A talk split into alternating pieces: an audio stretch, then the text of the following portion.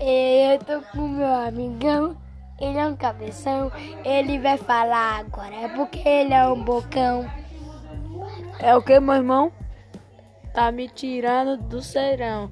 Se tu é um. Ó, vou nem dizer aqui que eu dou cabeça